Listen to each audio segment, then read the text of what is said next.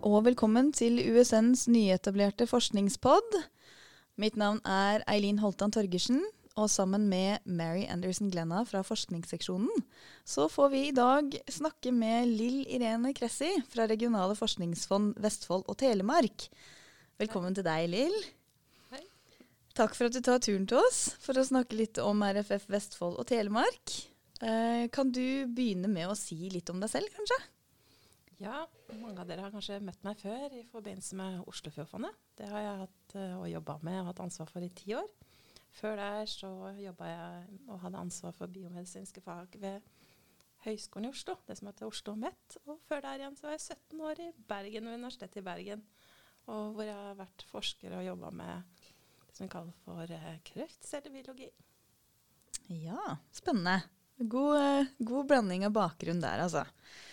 Eh, du nevnte det så vidt. Eh, Oslofjordfondet var det du nevnte. Eh, etter fylkessammenslåinga, som ble implementert i januar i 2020, så skifta jo dere navn fra Regionale forskningsfond Oslofjordfondet til Regionale forskningsfond Vestfold og Telemark. Kan du fortelle oss litt om de viktigste endringene i den nye organiseringen? Ja, Fra nyttåret så blei det da ett regionalt fond per fylke av de nye fylkene. Det vil si at det ble flere regionale fond, og Oslofjordfondet ble da delt i to. Det er ett fond for Vestfold-Telemark og ett for Viken. Og for USN sin del så kan dere jo søke begge fondene og følge med hva som skjer der. Ja, ja det eh, høres bra ut for oss. uh, RFF Vestfold og Telemark har for tiden utlysninger innenfor en rekke tematiske områder. Kunne du fortalt oss litt om hver av disse? Ja, vi har eh, fem hovedområder, og det er verdiskapning eh, gjennom grønn omstilling, som er da hovedområdet vårt. Uh, og det er også hovedsatsingsområdet for fylket. Og det er, eller vi har spissa det litt innenfor eller mot det som vi kaller for klima, miljø, energiområdet. I tillegg så har vi sentrale områder for offentlig sektor som eh, helse og omsorg, velferd, utdanning og oppvekst, by-, steds- og regionsutvikling, og i tillegg teknologi. Mm. Har du noen tips til hva man kan gjøre dersom man er litt usikker på om ens eget interesseområde er relevant? Da, som regel så De er ganske vide, disse områdene. og Hvis dere ser på utlysningstekstene, så står det gjerne ja, aktuelle tema er blant annet. Dvs. Si det er ganske vidt og åpent. Og det er fordi at vi ønsker at uh, søkerne våre skal komme med de områdene som er viktige for bedriftene eller for offentlig sektor eller for forskerne sjøl. Og, og da, da, tar dere bare kontakt hvis dere lurer. Ta en telefon til oss. Mm. Jeg lurte på, Skal det bli åpen for alle tematiske områder i hver utlysning? Jeg håper jo at, og jeg tror, at det skal være åpent på alle temaområder i forhold til små forskningsmidlene som vi kaller for kvalifiseringsstøtte. Når det gjelder hovedprosjekter, eller regionale innovasjonsprosjekter, som det nå heter, så skal de spisses kun på grønn omstilling. Og det er ut ifra hva fylkespolitikerne har bestemt seg for i forhold til sin satsing. Mm. Så da hvis du uh, skal forske innenfor helseområdene, da får du ikke lov å søke hovedprosjekt? I hvert fall ikke, ikke, i høst, så vidt jeg vet. Det, altså, grønn omstilling kan jo være så mye. ikke sant? Så Det er det jeg er litt spent på, hvordan de vil løse det framover. I høst har vi fokusert på energi og miljø. Det vi vil jo gjerne at søkerne skal bruke kvalifiseringsstøtte mot eller med tanke på at de faktisk skal kunne søke seg andre steder også, enn kun til oss. Når du sier andre steder, hva tenker du? Forskningsrådet primært, men også EU-midler. Eh, helseforetakene har en del forskningsmidler. Um, det er også noen stiftelser som har noen midler, så det er på en måte å utnytte de mulighetene som er. da. Og vi skal prøve på en måte å være et skritt på veien mot et hovedprosjekt. Det kan også vi, vise seg at kvalifiseringsstøtte når du gjennomfører det, plutselig ikke er så mye forskning likevel. Kanskje du skal rett og slett uh, gå over til Innovasjon Norge hvis du er en bedrift, f.eks. Mm. Hvem er det som kan sende inn søknad til deres utlysninger, da? Egentlig nå nesten alle, tenker jeg da. På hvert fall på kvalifiseringsstøtte. Det, den er åpen for bedrifter av alle størrelser. Uh, offentlig sektor, frivillig sektor og ikke minst uh, forskningsinstitusjoner.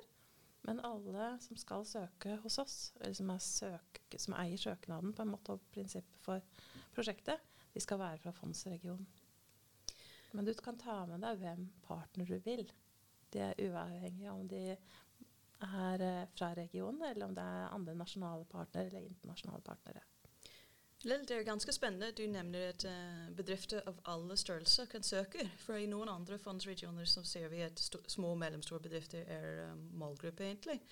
Uh, så, så, da menes det at bedrifter som Yara f.eks. kan søke? Ja, det kan de. Og det, det syns jeg er bra, fordi vi har hatt diskusjonen i fondsstyret. og de, de, store bedriftene er flinke til å ta med seg de små bedriftene inn i forskningsprosjekter. Kanskje bedrifter som aldri før har drevet med forskning. Det kan være deres samarbeidspartnere eller deres underleverandører. Til og med noen kunder som kan være med og spesifisere. Og Yara bl.a. har hatt kvalifiseringsprosjekt. Um, Jotun har hatt kvalifiseringsprosjekt. De har også hatt hovedprosjekt. Og det fikk de med tanke på at de faktisk skulle få i gang et utradisjonelt samarbeid. De begynte å samarbeide med aktører i Kongsberg-regionen som de aldri hadde samarbeidet på, innenfor et område som ikke var deres eget. Så litt utradisjonelt eh, samarbeid eh, ses positivt på. Mm. Nå har du jo litt, eh, vært litt inne på det, men eh, bare for å spisse det litt. Hvem er det som kan være partner i søknadene? Ja, alle søknader skal ha en eh, godkjent forskningsorganisasjon med seg. Så det vil si hvis ikke, eh, hvis ikke USN søker selv, så skal eh, alle bedrifter og offentlig sektor og alle søkerne våre de skal ha med seg en godkjent forskningsinstitusjon. Mm. Når eh, forskningsinstitusjonen står som søker, så skal de ha med seg en regional bedrift eller offentlig sektor eller frivillig sektor fra regionen. Holder det med én partner, eller må du ha flere hvis du tenker at USN skal søke? Mm, det holder med én, men tenk litt hva som er målet med prosjektet ditt, og hvem skal ta resultatene i bruk. Kanskje det lønner seg å ha med flere eh, partnere i prosjektet. Ofte de offentlige prosjektene så er det ofte de velger å ha med seg flere kommuner som skal teste ut en tjeneste, f.eks. Eh, et tjenesteprinsipp eller velferdsteknologiske løsninger ute i helsevesenet. Mm. Og hva vil det si å være partner i en søknad? Hva slags eh, oppgaver og aktiviteter kan det forventes av en partner? Ja, så Er du forskningsinstitusjon som USN, så er, har du jo ofte hovedansvaret for forskningsinnholdet i prosjektet. ikke sant? Å drive forskningen da gjør du jo et stykke arbeid i forhold til det. Um, det er jo viktig at alle partnerne er aktive partene som deltar og bidrar inn i prosjektet. Vi skal, vi skal, ikke ha prosjekter hvor vi har en bedrift med som en, et alibi. De skal faktisk kunne bidra noe inn. Mm. Ja. Vårt publikum i dag er uh, for det meste forskere ved USN. Hvilke råd vil du gi dem om deres samarbeid med regionale partnere i søknadsskriving? Jeg tenker litt sånn eh, viktig å tenke på språk når du snakker med partnerne dine. fordi vi har kanskje en tendens til å snakke litt vanskelig og snakke litt forbi hverandre.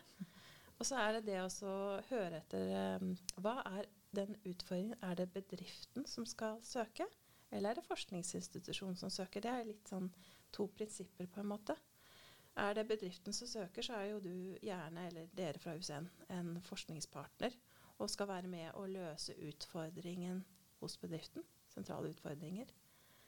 Da gjør du et oppdrag for dem Eh, er bedriften en partner i ditt prosjekt, så skal de kanskje teste ut noe for deg. Så det er litt sånn Hvem har ansvaret? Og så er det tenkt over hvordan skal dere fordele rettighetene til eh, produktene som kommer fram. Ikke sant? Det er mye å tenke på. Så, men eh, jeg vil foreslå at de starter på et kvalifiseringsprosjekt. Ja for å teste ut litt hvordan fungerer dette samarbeidet. Er det faktisk dette her vi skal jobbe med? Har vi de riktige partnerne inn i forskningsprosjektet? Skal vi komme oss videre? Mm. Ja, det er mange av våre forskere som, som sier det er ganske bra å begynne med et sånn kvalifiseringsprosjekt. Spesielt de som har aldri søkt uh, eksterne midler for. Og en ting som vi hører, er at, um, at uh, ved å gjøre det gjennom et kvalifiseringsprosjekt, så lærer de også hvordan de skal skrive en søknad.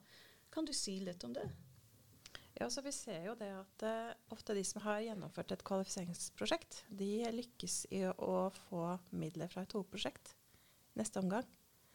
Så det vil si at de lærer seg å strukturere forskningsprosjektet sitt, være tydelig på hva de skal gjøre, altså ideen sin. Målet med hele prosjektet. Eh, hvilke forskningsutfordringer har de i prosjektet? Er det noen nyhetsverdi her?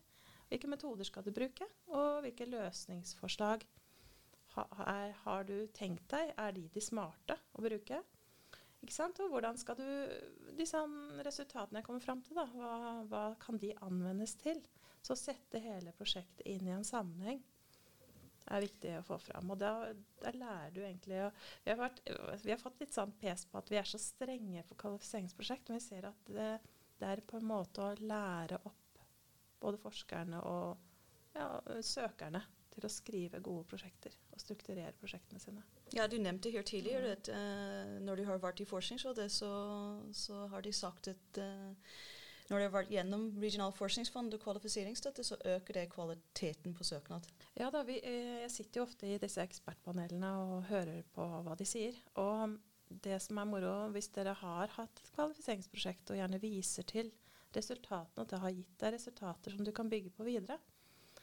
Kanskje du har eh, rett og slett funnet en hjørnestein i prosjektet ditt og løst den på forhånd. For å se om metodene virker, så sier de gjerne at eh, ja, det viser at du har jobba med dette tidligere. Du har gjennomført, du har fått det til. Det styrker på en måte gjennomføringsevnen din og kvaliteten av prosjektet. Mm. Hva er det de kan søke støtte til, da? Hos dere? det er litt av det samme prinsippet som, eh, som Forskningsrådet gjør. Vi finansierer det som har med FoU-tjenester. Det kan være drift og avskrivningskostnader i forhold til vitenskapelig utstyr driftsmidler i forhold til selve utgiftene til selve forskningsprosjektet kan dere søke også. Ja, Og for partnerne, eh, får de alle kostnader relatert til prosjektgjennomføring dekket? Altså, vi må jo følge statsstøtteregelverket, og mange av dere kjenner jo det godt. Altså, men forskningsinstitusjonene og offentlig sektor kan i prinsippet få full støtte for det de gjør. Når det gjelder bedrifter, så bør vi ha opp et lite rødt flagg. Der er det jo så at eh, hos oss så får alle kun dekka 50% av prosjektkostnadene, totale kostnadene. Mm. Men vi må huske på at hvis dere har med dere en bedrift som en partner i et prosjekt f.eks., så skal de alltid finansiere selv 50% av sin egen aktivitet. Mm. Så det er litt sånn Skal bedriften eie prosjektet, eller skal forskningsinstitusjonen eie prosjektet, så er det litt sånn ulike finansieringsprinsipper. Ja. Eh, hvor ofte er det RFF Vestfold og Telemark har utlysninger? Ja, I høst så Jeg tror at fondet kommer, eller håper også, at vi kommer til å følge litt av prinsippene som var i Oslofjordfondet. I høst har vi to utlysninger på kvalifiseringsstøtte og én utlysning på hovedprosjekter. Eh, hvis vi får det til, og det håper jeg, så blir det fire kvalifiseringsstøtteutlysninger i året. Altså to på våren og to på høsten. Mm. Eh, du skal jo holde noen prosjektverksteder. Eh, den 29. og 30. september i henholdsvis Tønsberg og i Bø. Kan du fortelle oss litt om disse prosjektverkstedene?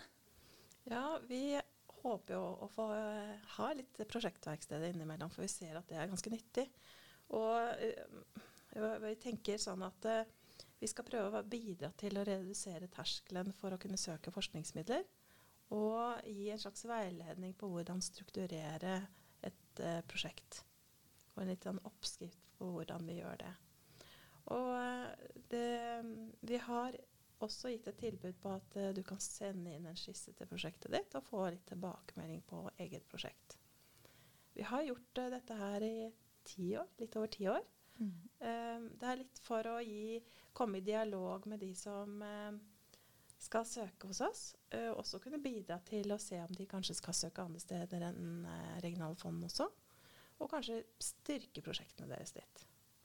Jeg tenker at det er kanskje et ganske lurt sted å, for USNs forskere å ta med seg partene sine, eller bedriften og, eller offentlig sektor, eller de som skal søke, egentlig, hvis det skal være bedrift.